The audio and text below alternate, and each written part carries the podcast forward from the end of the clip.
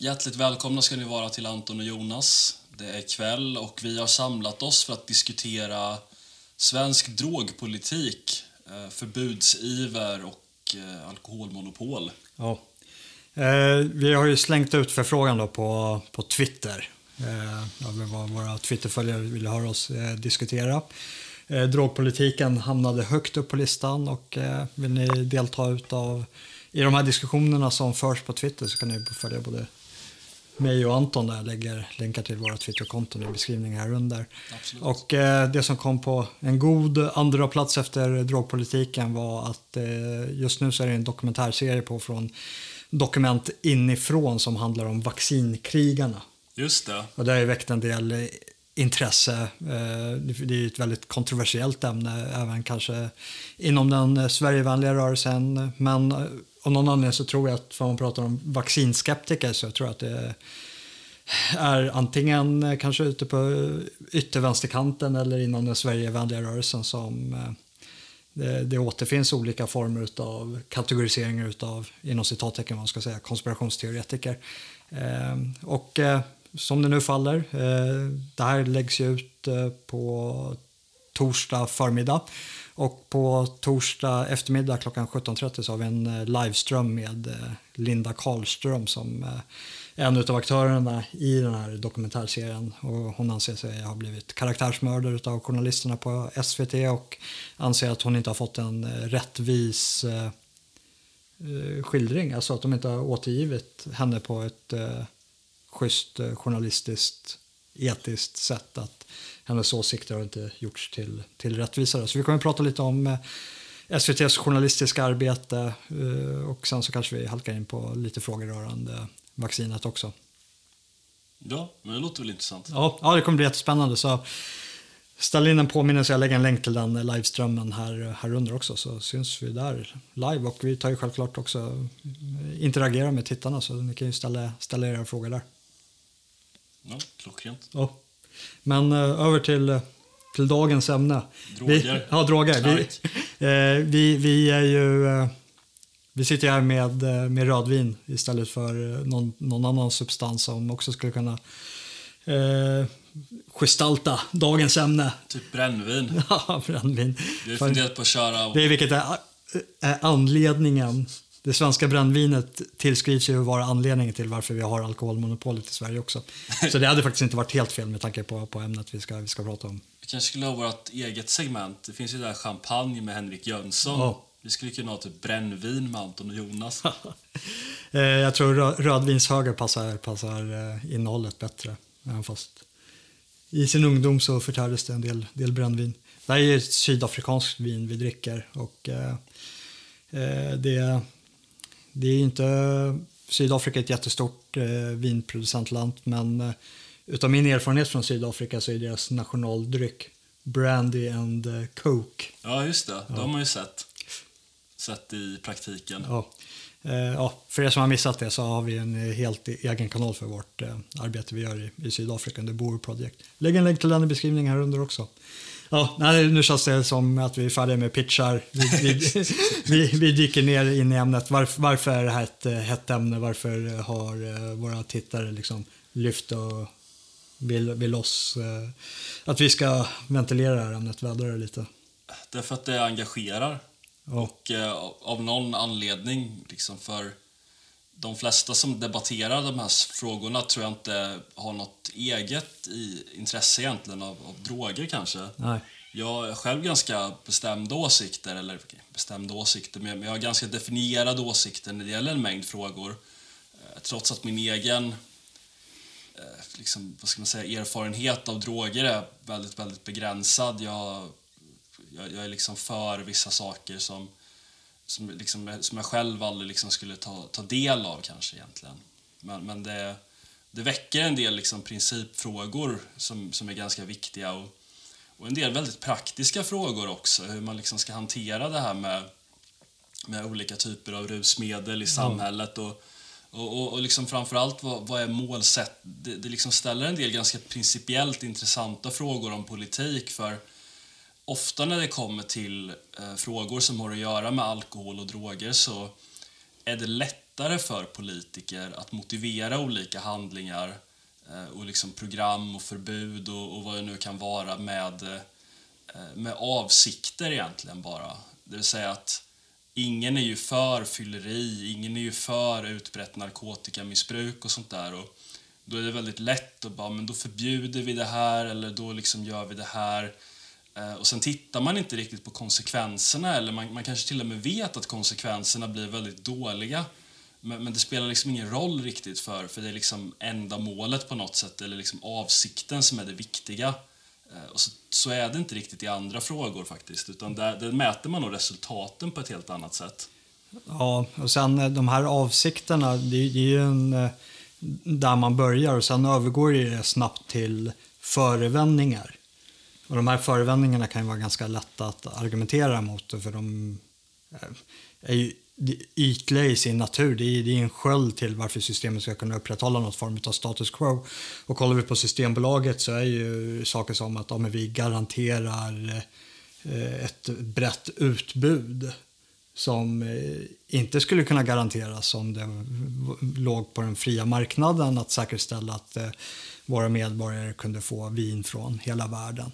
Ska vi, ska vi börja i den änden? Ska vi prata om alkoholmonopolet? Ja, men jag först? tycker det. För, det, för det, det, är väl det som är, är hetast. Eh, jag såg att eh, Edvard Blom eh, i, i, eh, gick i taket här just på grund av den här frågan för att han inte, just med, under den här förevändningen också, att han inte kunde få tag på de vinerna som han faktiskt ville ha tag på under sitt julfirande utan blev hänvisad till att vänta till januari. Ja, det, jag måste ändå säga att ja, det finns nog väl, ja, om det inte fanns så många andra viktiga frågor ja. så skulle avskaffandet av alkoholmonopolet stå väldigt högt upp på min lista.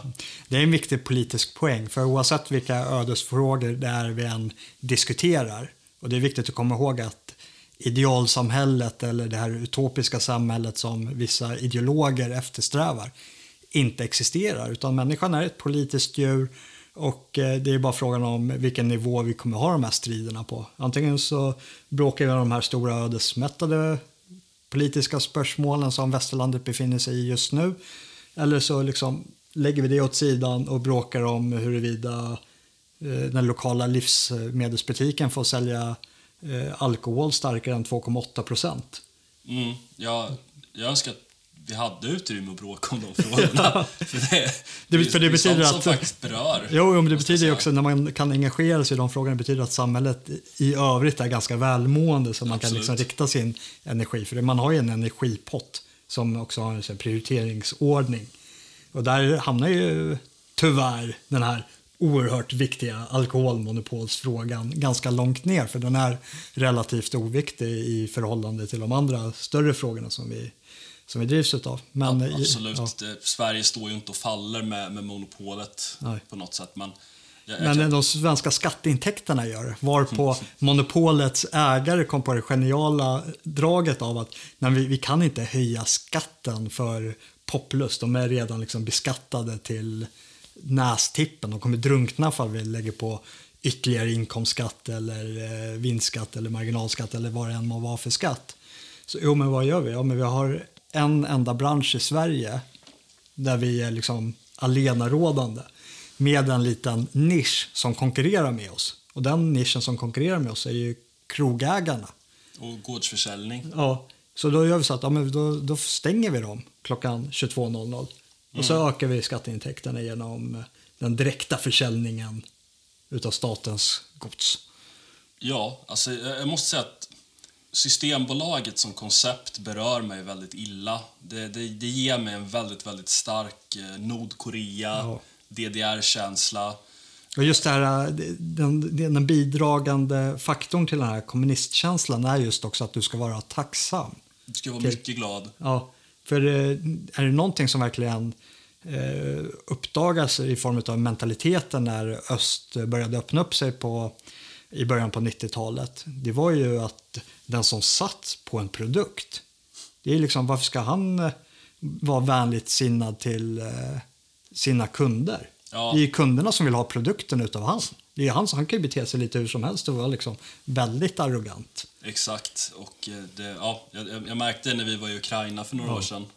Du, ja, men, men något jag skulle vilja säga om, om alkoholmonop eller om liksom Systembolaget är att det finns en, en dubbelhet. Liksom. Det, det, är ju inte att, att förvåna egentligen, för, för vad det handlar om är ju kontroll från, från staten. Det handlar dels om att kunna ta in stora skatteintäkter och, och dels handlar det om att försöka styra människors beteende då, på olika sätt. Men, men sen är det ju så här att Systembolaget, de brukar ju gärna liksom skryta med att vi, vi är den enda affärsrörelsen i Sverige som inte vill gå med vinst. Och så. Ja. Vi gör allt vi kan för att, för att, inte, kunna, för att inte sälja saker. Liksom. Och de vill sen, inte sälja för mycket, så de också har liksom Europas högsta priser på vin och... Alltså, det, det, det kanske mer har att göra med hur Sverige är funtat, men, mm. men alla som eh, gått in på Systembolaget känner ju väl till att det som tar upp utbudet det är ju liksom inte årgångsviner och Nej. crystal-champagne och grejer för, för, för, stora pengar utan det finns ju ett, det finns ett brett utbud men det är liksom ett brett och billigt utbud och framförallt väldigt billig öl och billiga viner och sånt där. Mm. Så det är ju inte som att det liksom begränsar försäljningen alls egentligen. Och jag tycker det blir lite märkligt att å ena sidan säga att amen, den här affärsrörelsen den är inriktad på att inte sälja alkohol, det ska vara otillgängligt, det ska vara jävligt, man ska inte vilja ha någonting. Och sen samtidigt säga, ja men om det inte vore för det här, då hade ni inte kunnat köpa någonting. Det, det, går inte ihop. Nej, det, det funkar inte. Och sen eh, hela konceptet av den begränsade tillgången som eh, stramas åt här gör ju att människor alstrar. Ja. Vilket också får en motsatt effekt. Och det går ju lite i linje med, ja, nu vet man inte vad som kommer först här, hönan eller ägget, men den svenska dryckeskulturen är ju ganska absolutistisk i eh, sitt slag. Och det blir extra tydligt för man kollar på de här charterorterna som får dras med svenskar. svenskar. Alltså det är ju fylleslag utan dess like. Ja, det är ju brutalt. Ja, Medan eh, konsumentmängden, nu vet jag inte, nu jag höftar ju, eh, kanske är densamma som italienarna, som fransmännen, som sydafrikanerna. Bara att de har liksom slagit ut över tid. Det är ett eller två glas mat, eh, två, ett eller två glas vin till maten på vardaglig basis. Medan svensken kanske inte i regel dricker vin till maten utan vi komprimerar ihop de där två vinglasen per dag och så sätter vi ihop det till 14 vinglas på en dag. Eh, lite så. Eller mycket så. Det, det är lite ja. så det ser ut och som, som alltid varit ett konstigt inslag i svensk alkoholkultur att om du tar ett glas vin till maten en tisdag ja. då, då är det liksom starka alkoholistvibbar. Men om du liksom sänker en, en, en 70 gottis eller ett flak, flak öl. Liksom, ja, och fullständigt fredag. skämmer ut sig, ja. vilket oftast brukar vara följdeffekten av det. Ja, blir fullständigt dyngrak, då, ja, men då är du en rolig kille. Ja. då kan koppla av liksom. Men så det, det, svenskar har nog... Nu är det för sig kommit... Skrattar över igenkänning. så, ja, svenskar har nog aldrig riktigt fått en, en mogen alkoholkultur på det sättet där man det har väl blivit bättre då med, man brukar ju prata om kontinentala dryckesvanor, mm. men med just det att man, ja, man kan ta ett glas vin liksom eh, någon, någon, gång på, på en lunch eller en kväll sådär. Och sen är det inte mer med det, det leder inte till någon fylla, det blir ingen berusning, men, men det skulle på något sätt vara värre då att dricka ett glas vin en, en, en tisdagkväll till en god bok än vad det är att dricka två flaskor vin en fredag liksom, bara för att ja. fira att du är ledig. Så, så det är konstigt och, och någonstans det där skulle jag nog, utan att kunna hävda det med all säkerhet, vilja skylla lite på Systembolaget att eh, svenskar lär sig aldrig riktigt att ta ansvar egentligen. Utan liksom så fort möjligheten till, till stora inköp, till exempel att åka till Tyskland eller till Danmark och ja, men som du sa, hamstra. Oh. Ta in enorma mängder med, med billig alkohol från Tyskland till exempel. Och det ligger ju någonting i den så svenska folksjälen för att vi ska gå full jungiansk eh, psykologi här. Att ska, om någonting ska göras så ska det också göras ordentligt. Alltså oavsett hur patologiskt det, det än må vara. Alltså, dricker man så dricker man. Ja, Eller så vara... dricker man inte så dricker man inte. Jag tror, nu vet jag inte om det var Freud Slip Production som gjorde den här sketchen. Men eh, om det inte var det så Freuden är ju väl värt att eh, följa om ni inte redan gör det. Men eh, då är det en sketch i alla fall. Jag tror att det var de som gjorde den. Och då är det på någon privatfest. Och så gör de ju lite narr av det här att det är någon kille där som är stupfull. Och så byggs det en stämning upp och eh, husvärden, man tror att husvärden ska liksom, ja men nu är det dags för dig att åka hem. Men istället för att angripa den här stupfulla människan så är det en människa som är helt nykter där. Som istället blir utslängd. Jag tyckte, jag tyckte att den, den sketchen så här karaktäriserade liksom lite ämnet vi pratar om. Här. Ja, men jag fattar inte. Vad var det den ville ha sagt? Du, du är på en privatfest. Ja. Alla människor är stupfulla där. Det var någon som var extremt stupfull. Jaha, som okej. verkligen så, borde... så han som var nykter stack ut ännu mer eller? Ja, men den som var nykter var ju där och sabbade stämningen. Liksom. Jaha, okej. Är det här du Ja, inte jag dricker? Ja. Ja, jo, vad ska man säga? Ja, det var väldigt roligt. Där fanns poängen gick fram. Eh, och det är frågan om hur, hur långt tillbaka i tiden de här dryckesvanorna egentligen sträcker sig. För eh, förevändningen till alkoholmonopolet var ju den utbredda alkoholismen baserad på bland annat brännvinet under 1800-talet. Mm. Eh, en, enorma fylleslag, liksom, men det vet man inte. Alltså, går går man ännu längre tillbaka i tiden vid, vid gillen och sånt där, det, det finns ju en stark kultur rotad här uppe att eh, vi har de här fasta eh, dryckespunkterna i form av kanske midsommar eller eh, midvinter, brot och allt, allt där till de här hållpunkterna på de olika säsongerna som ofta blir då synonymt med ett eh, stort eh, dryckesgylle. Just det. Ja, ja men precis. Ja, ska, vi, ska vi gå vidare? Ja, vi kan göra det. Eh, vet du vad, jag, vill bara, jag kommer bara tänka på en Ja. sak som jag tycker är så jävla dum som jag måste ta upp här. Det, det, det är också en sån här grej liksom på temat saker som låter bra eh, men som inte blir bra. Ja, Och det är ju det som Annika Strandhäll eh, genomförde här om året, det vill säga eh, införandet av rökförbud på uteserveringar. ja, Och jag har ju sett det där i praktiken eftersom jag har jobbat som ordningsvakt i krogmiljö. Och det som, det som var bra när man liksom lämnade till krogägaren att avgöra sånt, det är att den personen känner ju bäst sina gäster.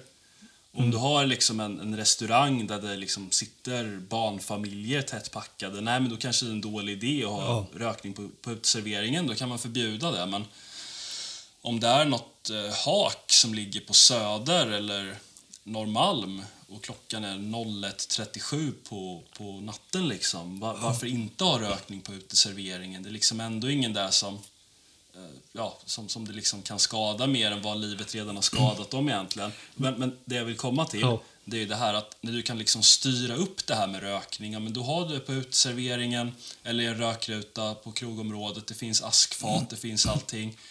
Nu, som, som jag bevittnade, så står ju folk istället på gatan och trottoaren i klungor. Och om du går till eh, Medborgarplatsen till exempel, där det finns många krogar då, sommartid, så ligger ju fimparna i drivor. För att folk har stått ute på området då, sen har de bara askat det där på marken.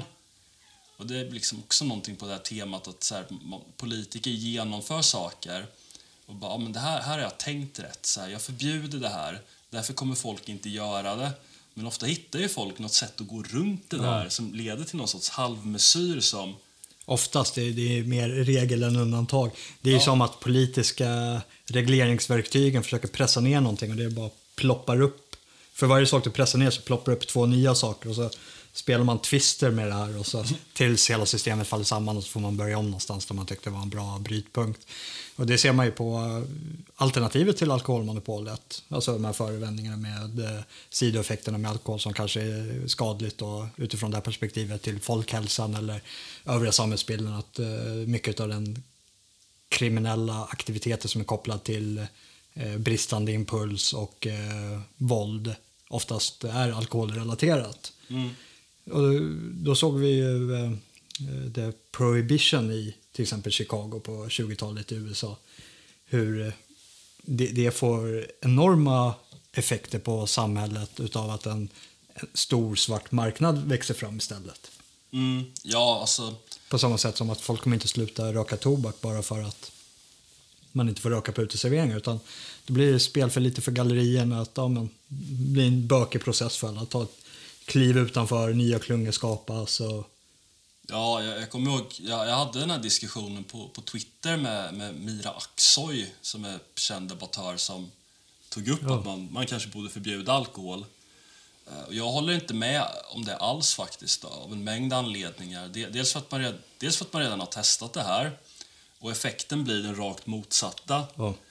Eh, det vill säga att, och sen är det lite så att, det är väl lite krångligt att förklara kanske, men ofta är det ju så här att eh, det som håller tillbaka människor från att göra olika saker, det är ju inte bara de formella förbuden, utan det är ju samhällets institutioner och kultur också.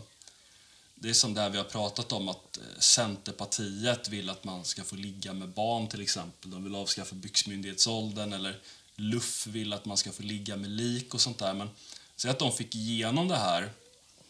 Det, det, det skulle ju inte, det skulle ju faktiskt förmodligen inte betyda att människor börjar ligga mer med, med döda kroppar än, vad de gör idag. Därför att det, det, är så förankrat i vår kultur att man, man gör bara inte det. Det är liksom så sjukt att de flesta inte ens kan föreställa sig det. Det, det enda som skulle hända var att någon normbrytare i Pride-tåget hade med sig sin döda faster eller någonting. På. sin döda älskare. ja. Eller, det är liksom, folk skulle inte börja ligga med barn heller därför att pedofili är så avskytt i vår kultur att folk skulle liksom inte börja med det i, i liksom, i, den breda allmänheten skulle inte börja med det. Men då blir ju frågan, för då kan det ju bli den motsatta effekten när du förbjuder någonting som är väldigt populärt och som folk vill ha. Och även om de flesta inte gillar alkoholism och fylla och liksom alkoholrelaterad brottslighet och mm. sånt där så de skulle jag ändå tro att den breda allmänheten har väldigt svårt att föreställa sig att man liksom inte skulle kunna ta en öl efter jobbet eller liksom dricka ett glas vin eller någonting. Så man har liksom inget riktigt för att, att, att förbjuda det därför att det är inte ett förbud som tas på allvar. Och om det fortfarande finns en efterfrågan på någonting som är förbjudet så leder ju det till att det kryper ut i de kriminella miljöerna istället. Och det var ju exakt det som hände när man införde prohibition i, i USA. Att det, det, det liksom blev verkligen, eh, som, som det gamla uttrycket säger, att summan av alla laster är konstant. Oh. Och folk slutade inte supa, utan de kanske till och med söp ännu mer. Men Eh, de betalade gangstrar för den här spriten istället och istället för att sitta på, på vanliga barer så, så satt de på svartklubbar och sånt där och liksom gödde eh, Eh, städernas kriminella miljöer istället istället för att liksom bara sitta på barer och ge pengar åt den normala krogägaren. Ja, för det, det är en viktig distinktionsskillnad för det är inte bara pengar som byter eh, hand här utan det är ju, eh, man skulle kunna knyta an det till eh, Marianafrågan i, i Sverige eller över hur, över hur den betraktas också. Och det är att bara att någonting är dels inte normativt fullt accepterat, vilket Mariana kanske inte är i Sverige, men att det också är olagligt. Det gör att det är en viss typ av människor som kommer att eh, eh, nyttja det och, och liksom sälja de här produkterna. Mm. På samma sätt som att eh, det, det, är inte den laglydige krögaren nödvändigtvis, även fast han anser att han har den moraliska rätten till att sälja alkohol, eh, även fast det är olagligt i Chicago på 20-talet, så kommer man ändå inte göra det för de flesta människor är ändå laglydiga medborgare, de vill inte bryta mot lagen. Och då har du en viss klientel som är beredda att göra det. Och, eh, när, när man träder in i den sfären och man redan har gått över vissa trösklar, ja, då är det inte så långt att gå över andra trösklar också. Bara på att de här kriminella nätverken inte bara ägnar sig åt vad som kan betraktas som moraliskt accepterad eh, brottslighet. Till exempel att tillhandahålla alkohol i 20-talet Chicago, utan det är ju massa andra saker som kommer också. Så du ger ju, även fast du anser att har, har den moraliska rätten att köpa alkohol, så kommer inte du ge dina pengar till en nödvändigtvis en god moralisk människa som tillhandahåller den här produkten till dig utan du eh, ger pengarna till en väldigt cynisk människa som i andra avseenden också hänger sig till kriminell verksamhet som borde vara som också är moraliskt fel. Ja men verkligen. Det kan ju vara samma person som som säljer alkohol som, som säljer heroin liksom. Ja. Och, och ägnar sig åt utpressning och Ja, all ja, men- möjlig kriminell ja. verksamhet. Samma person som ser till att säkerställa sitt eget monopol i det här området. Att eh, avlägsna de andra konkurrenterna i och med att de redan befinner sig utanför systemet med sina produkter. Och så kommer det in eh, någon annan konkurrent som säljer samma produkt. Ja, men hur reglerar de här två olika ligorna den lilla tvisten? Ja, men de kommer ju dela upp området sinsemellan beroende på styrkefaktorer. Och är det någon svag aktör som kommer in där så kommer den bli uppäten ifall han inte ger sig nästan bokstavligt utav fiskarna för att citera någon gammal maffiafilm. Ja, Gudfadern tror jag. Ja. Ja, alltså det, det, det skulle vara en anledning till att det här med förbud kan, kan liksom slå väldigt fel och har slagit väldigt fel. Därför att de, de konsekvenser som politiker förutspår, det vill säga att om man förbjuder någonting då kommer människor sluta med det. det. Det händer inte, utan det sipprar bara in i andra delar av samhället. Ja. Man, man kan ju liksom tänka sig att Tänk att man, tänk att man stängde ner alla liksom, lo, eh, lagliga krogar som, som existerar i dagsläget. Där, där det liksom finns eh, eh, ja, men, väldigt, väldigt mycket reglerat egentligen. Det vill säga att man, man har olika typer av regler. Man serverar inte alkohol till minderåriga om det inte är Nej. unga kvinnor. Liksom. Och så där. Men, men ofta på många ställen är det ju ganska uppstyrt. Man har ordningsvakter och sånt där och man liksom ser efter så det är någon form av standard i alla fall. Men tänk att alla de krogarna skulle förbjudas. Eh, Men folk slutar inte gå på krogen utan de går bara till snäppet sämre krogar Ja. som dessutom samtliga ägs av kriminella. Vad tycker du om eh, svensk eh, narkotikalagstiftning då? Jag, jag tycker att... Eh, jag, jag vill ju verkligen inte leva i ett samhälle som har missbruksproblem i min närmiljö. Speciellt inte utav grövre eh, droger. Utav, eh, inte primärt över att de här människorna förstör sin egen kropp. Eh, det, det är ju fullständigt tragiskt och många av de här människorna behöver ju hjälp. Men det är ju att de också blir väldigt, väldigt oberäkneliga och eh, väldigt benägna till kriminell eh, verksamhet som går ut över omgivningen då på grund av sitt drogproblem inte kan sköta sitt, eh, ett jobb så kan försörja sig för att finansiera sina drogproblem och eh, eh då måste ägna sig åt eh, kanske inbrott eller stöld eller vad det än må vara. Och det, all, allt det här är ju problematiskt.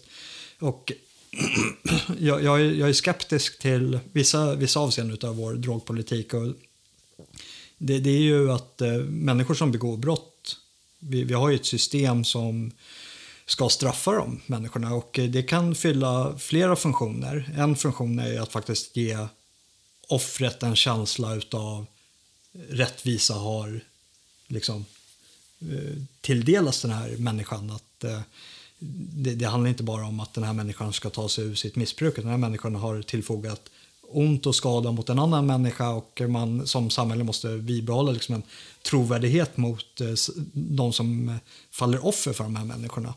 Men i sak så tycker jag inte att människor ska straffas för sitt missbruk i sig självt. Alltså narkotikainnehav. Jag ser inte nyttan av Eh, den konstruktiva nyttan av att låsa in sådana människor och isolera dem för någonting som de eh, behöver avvänja sig ifrån. Jag tror att det är en dålig miljö.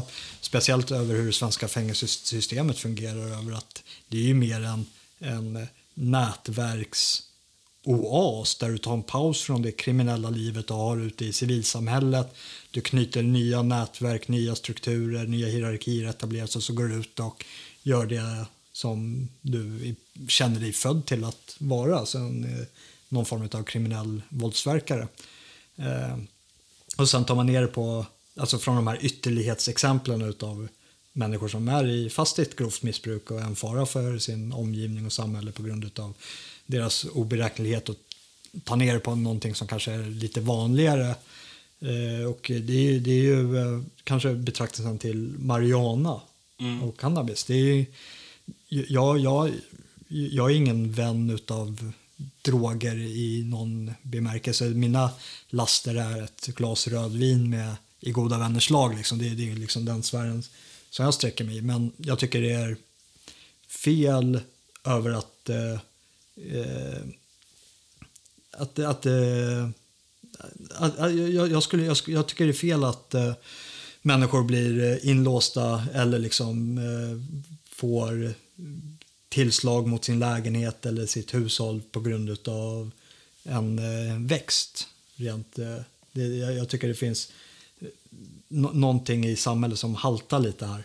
Ja, jag tycker det också. Det, det blir ju märkligt och liksom kontraproduktivt då. För det blir ju exakt som, som du precis sa att när man låser in människor för det här så exponerar man ju dem för en kriminell miljö. Oh.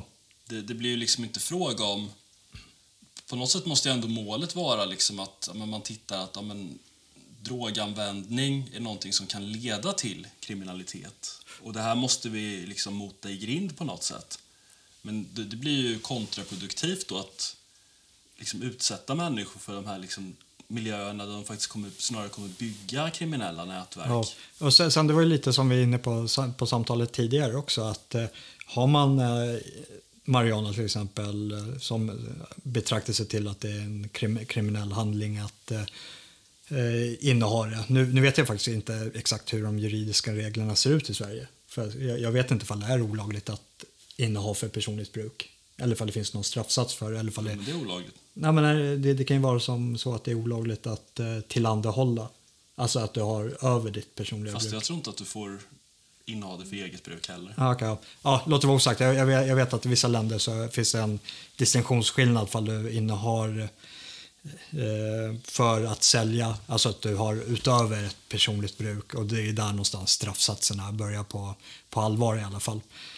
Eh, men i alla fall, det, det, är ju att du har ju en barriär över att om de flesta människor är laglydiga eller vill vara laglydiga och eh, har du godtyckliga lagar, alltså bortom rätt och fel, bortom moral, så tenderar ändå människor att försöka att följa lagen. Alltså så får du en form av klientel av människor som är beredda att gå över den gränsen. Och därför så ser man också i Sverige många som nyttjar marijuana kanske nyttjar andra droger och ägnar sig åt annan kriminell aktivitet också. Just bara för att de har tagit det här mentala klivet mm. över att ja, men jag står vid sidan av lagen. Just det. Vilket gör att jag tror att eh, det i sig självt gör hela den här debatten ganska problematiskt. För vad är det vi pratar om? Pratar vi om den här växten eller pratar vi utifrån hur samhället ser ut just nu och de människorna som nyttjar den här växten? Mm. Det, det är i, utifrån hur jag betraktar så blir det två skilda, skilda debatter. Ja, jag, jag vill nästan inte... Jag blir lite så här, du vet, så skeptisk inför att ta i frågan för jag, jag ogillar så starkt den, hela den här kulturen som finns runt Mariana. Ja, ja det, det, det, det finns ju en loserkultur kring det. Det, är, alltså det första jag tänker på är någon eh, hiphoppare, alltså någon no-life som liksom hans uttalade ambition i livet är att inte ta sig någonstans i livet. Ja. Det, det, är ju liksom den bilden jag, jag får framför mig när jag, när jag tänker på ämnet.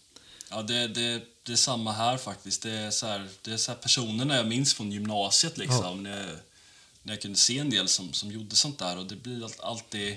Dels finns det en enorm romantisering runt det. Ja. Och nästan lite en sorts besatthet kring, kring att det är så jävla bra, det är inte farligt på något sätt och så vidare. Ja. Men, men däremot, någon, någonting som jag, som jag tycker är märkligt faktiskt, det är det här kompakta motståndet som finns mot eh, medicinsk marijuana. Oh. Det, det, för det ser jag inte logiken i överhuvudtaget. Jag vet, jag såg för några år sedan när SD hade någon kongress och det, det gick upp, och då, då var det någon, jag tror det var någon läkare eller någonting som var engagerad i partiet som, som tog upp den här frågan och väckte den. Och då, det gick upp den ena efter den andra och bara nej, vi kan inte legalisera, vi kan inte ha det här för medicinska syften. Det, det är snuskliberalism, tror jag till och med att ett par stycken sa, vilket ju oh. är bortom korkat. För jag menar att om man tittar på vad, vad skulle medicinsk marijuana användas till? Ja, för det första skulle det ju vara som alla andra eh, receptbelagda läkemedel, att det skulle vara någonting du får utskrivet av en läkare Eh, för, för, för, att du har någonting, någon form av sjukdom som är så pass allvarlig att, att det motiverar någon form av smärtstillande medel. Och för det andra då, att ja, men titta på vad är alternativet i så fall? Ja, men det är olika former av opiater som, som Oxycontin till exempel som liksom har orsakat en, en epidemi i, i, USA. Och det är liksom ett allmänt, allmänt vedertaget att människor som liksom ska, som behandlas långsiktigt med, med de här sakerna, med de här medicinerna, de, de får ju grova missbruksproblem trots att de liksom inte har en kriminell livsstil eller någonting i övrigt just för att de här smärtstillande läkemedlen är så oerhört beroendeframkallande. Och, och liksom mot bakgrund av det så liksom ser jag inte logiken i att vara så otroligt emot ja, medicinsk marijuana som mm. du får utskrivet. Ja, det, det är jätte, jättemärklig moralisering kring det. Och speciellt med tanke på att många av de andra preparaten som klassificeras som droger är ju helt okej okay i medicinska sammanhang och ska vara helt okej okay i medicinska sammanhang. Ja, därför, därför att... Men det blir någon sorts konstig... Eh, eh, det blir en sorts konstig bedömning skulle jag säga kring eh, att någonting är lagligt kontra att det är olagligt. Därför att det är ju en... Eh, det är inte oväsentligt, men, men ytterst så är det ju ändå en juridisk bedömning. Och det är ju inte så här att, att någonting är skillnaden mellan medicin och drog kan ju ibland vara ganska godtycklig. Ja. Att en, en opiatbaserad eh, medicin som är smärtstillande då, eh, den ger ju också någon form av rus ja. och kan ju utan tvekan missbrukas. Och... Skillnaden blir ju till ändamålet då snarare än, än vad, vad det är för preparat. Ja, och eh, det, jag tycker det verkar märkligt att med, med tanke på hur många det är som går runt med eh, smärtor som är i, men i nacke och axlar och ja. rygg och sånt där efter olyckor eller efter operationer som är, kan vara väldigt, väldigt svåra att behandla många gånger och där det saknas egentligen alternativ för den här långsiktiga behandlingen. För, för de här opiaterna, morfin, oxycontin och sånt där, det är ju för kortsiktigt bruk. Ja. Och det, det är där det blir lite tragiskt också att vi har en kanske en äldre generation som har en starkare stigma till de här frågorna än vad vår generation har. Mm. Jag tror att, eh, att vi kan sitta och ens prata och ventilera det här ämnet på det här sättet hade varit svårt för en äldre generation att göra på, på sin tid eller till och med nu. Och då blir det ju också att det, barriären för dem att kunna ens tänka sig i, liksom i sin föreställningsvärld att Ska, ska jag ta medicinsk marijuana? Mm. Nej, det kan jag inte göra. För gör de det, ja, men då kanske de... Alltså bilden är så stark över ja, men vad vi målade upp över att om en marijuana-missbrukaren, om man ska kalla det för det, att det finns en stereotyp bild kring det som man verkligen inte vill associeras med. Nej, då... Och då tar du hellre de här andra kortsiktiga medicinerna för att bara stilla smärtan. Ja, för det, det är ju läkemedel ja. och det är ju bra. Det, det, får man ju av läkaren liksom, ja, så det kan ju inte vara farligt. Nej. Det, det, det, blir en liksom konstig bedömning som liksom inte är riktigt grundad i fakta egentligen utan bara, bara sociala föreställningar som inte riktigt motsvarar verkligheten i det här fallet. Och, och där tycker jag att det, det, finns en brygga till, för jag tycker det här relaterar till drogpolitiken också eh, i och med att mycket av de medicinerna medicinerna är ju droger eller liksom eh, någon form av stimuli till, till kroppen. Och det är ju att eh, när kvinnor blir äldre, de hamnar i klimakteriet och eh, de får väldigt lätt eh, till recept på östrogen mm. för att bara liksom jämka kroppen lite och skapa någon form av eudarfiner eller liksom att skapa något välmående och kroppen fungerar bättre. Men för det motsatta, så att ge en äldre herre som vars testosteron, eh, liksom egna tillverkningen eller processen har sinat med åren så är det väldigt, väldigt tabubelagt att skriva ut eh, testosteron i Sverige till, till äldre män. Ja, och, och det där... Slitet uttryck, men det där beror nog väldigt mycket på fördomar faktiskt. Ja. För, för människor har den här föreställningen om Eh, roid rage kroppsbyggare ja. liksom, som, som, sitter och häver i sig olika typer av preparat. Och ja, men det här toxida hormonen. Ja, blir mm. liksom mm. arg och så här, slår sin fru och, och, och, allt möjligt. Liksom. Vilket blir märkligt då med tanke på att det, det som det är frågan om i det här fallet som är medicinskt motiverat det är ju ja. äldre män vars egen produktion har avstannat ja. och som Eh, behöver testosterontillskott för att säkra sin livskvalitet. Och det är det som blir så märkligt också, för att det, det är en sån stor skillnad mellan över nationsgränserna, över hur man betraktar de här sakerna. Mm. Varpå jag, jag se- anser att Sverige befinner sig i ett extremt ytterläge där det här verkligen är tabubelagt och eh, ifall det ens är så att läkarna överhuvudtaget får skriva ut det, jag vet inte i vilken utsträckning de får det, men det sker ju eh, liksom nästan flödesmässigt i sina delar i USA. Ja, och det, det blir ju lite märkligt när man eh, inte har några problem alls då med att skriva ut eh, tunga opiater till människor. Oh. Snarare då än att, att, att remittera dem till ja, men någon form av... eh, Liksom, ja, säg att det är någon som varit med i en bilolycka och har skarpa smärtor i rygg och nacke, vilket ju inte är helt otypiskt. Nej. Men istället för att liksom se till att personen rehabiliteras fysiskt så nöjer man sig med att skriva ut Oxycontin eller motsvarande. Oh. Och I USA har ju det här blivit jätteallvarligt. Därför att det är eh, vissa, vissa familjer, jag ska inte nämna några namn, som har, har tjänat grova pengar på det här. Samtidigt som liksom, människor dör som flugor då på grund av de här medicinerna. För de, de är ju faktiskt lagliga. Det är ju det som är så skrämmande. Ja, nej, det är jättemärkligt. Hur, hur känner du för, för, för att du ska sammanfatta den svenska drogpolitiken? Vart, vart befinner vi oss och eh, hur långt vill du komma, komma från det? Alltså jag, jag, jag, tycker att det, det är alltid värt att diskutera de här frågorna även om man själv egentligen inte har någon avsikt att, att liksom bruka droger eller något sånt där. Därför att det, det, det är påfallande ofta så, så hamnar den här typen av debatter i, i en typ av moralisering som, som inte är produktiv. Därför att det, där, där handlar det bara om liksom vilka avsikter man har och det, de, de struntar lite i konsekvenserna, vissa av de här som, som moraliserar i det här. Som, och jag tycker kanske det bästa exemplet är ju det här vi har pratat om nu med, med medicinsk marijuana till exempel. Eh, och jag, jag, är verkligen av åsikten att om det är en person som liksom har svåra rygg och nacksmärtor eller har haft cancer eller, eller någonting och, och där, det finns ett, ett sjukdomstillstånd liksom, som innebär svåra, svåra men och plågor, vilket ju inte alls är ovanligt eh, då är det väl jättebra om det finns alternativ till de här opiaterna. Därför att även om, om, om cannabis nu och, eller marijuana nu också är, är en form av drog så måste det ändå sägas att det är en mycket mildare drog än, än de här opiaterna som liksom är de som också framkallar rus, som är personlighetsförändrande, ytterst beroendeframkallande. Och att inte skapa de här alternativen till människor med ingen bättre anledning än eh, tanketomt moraliserande.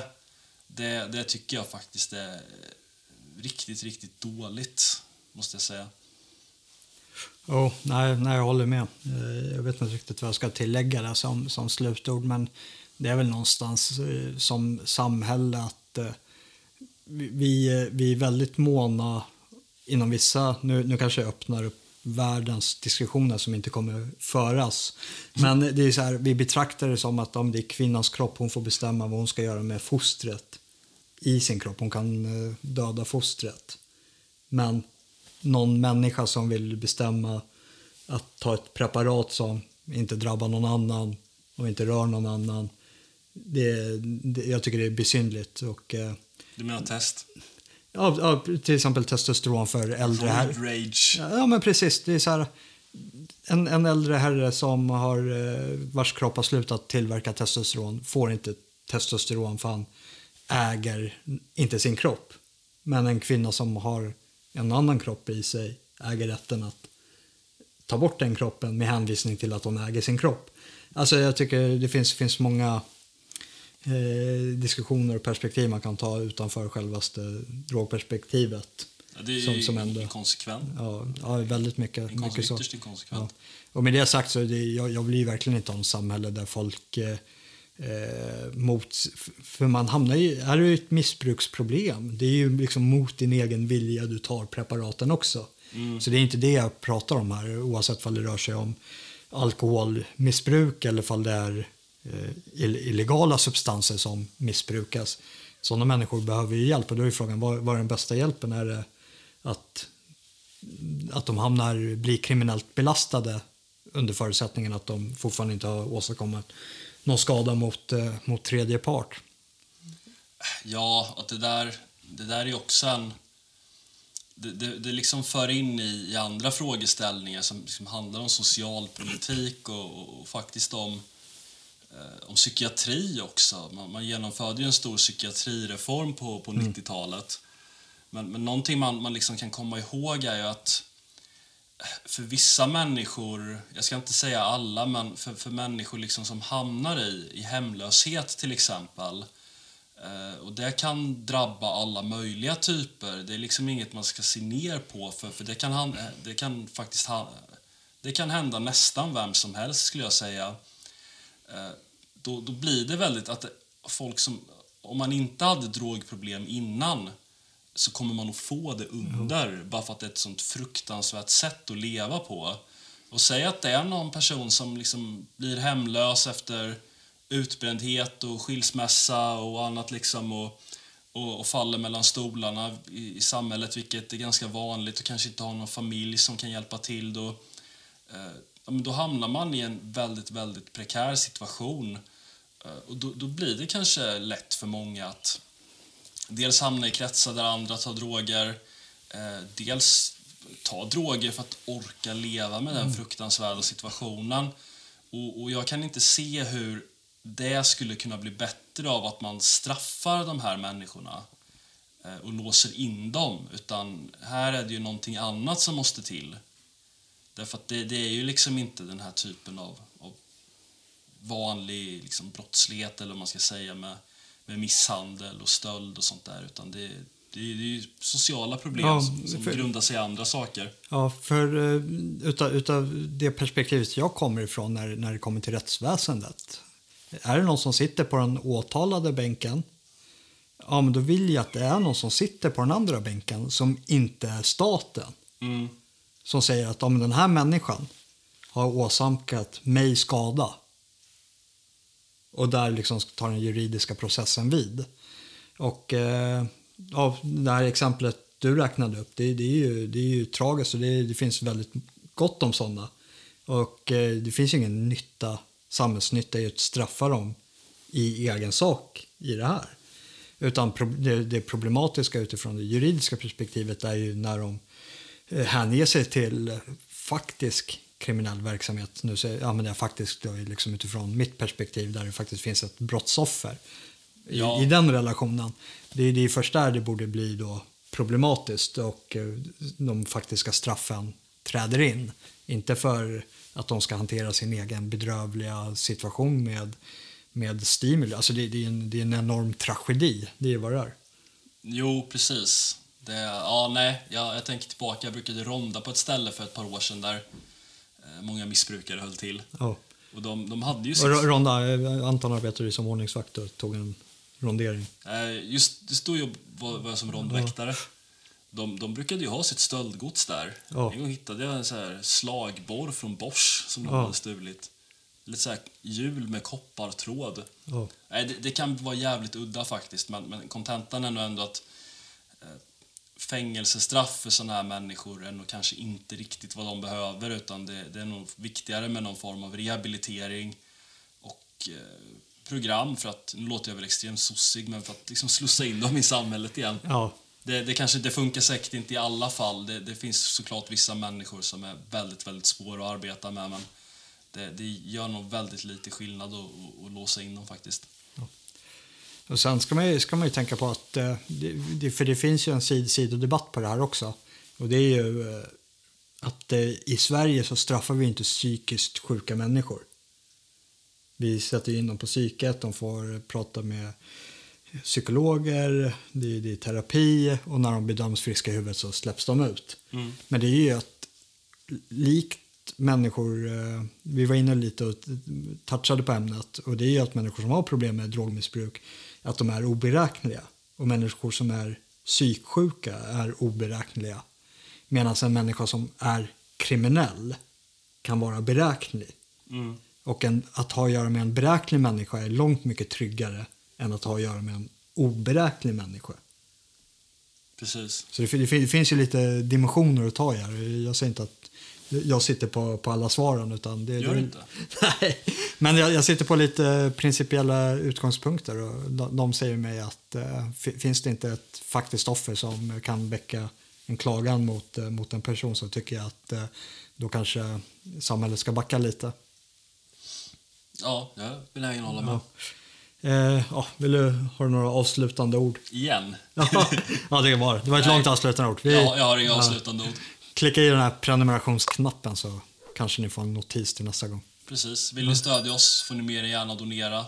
Det finns alternativ tillgängliga här. Tack för att ni har lyssnat. På återseende.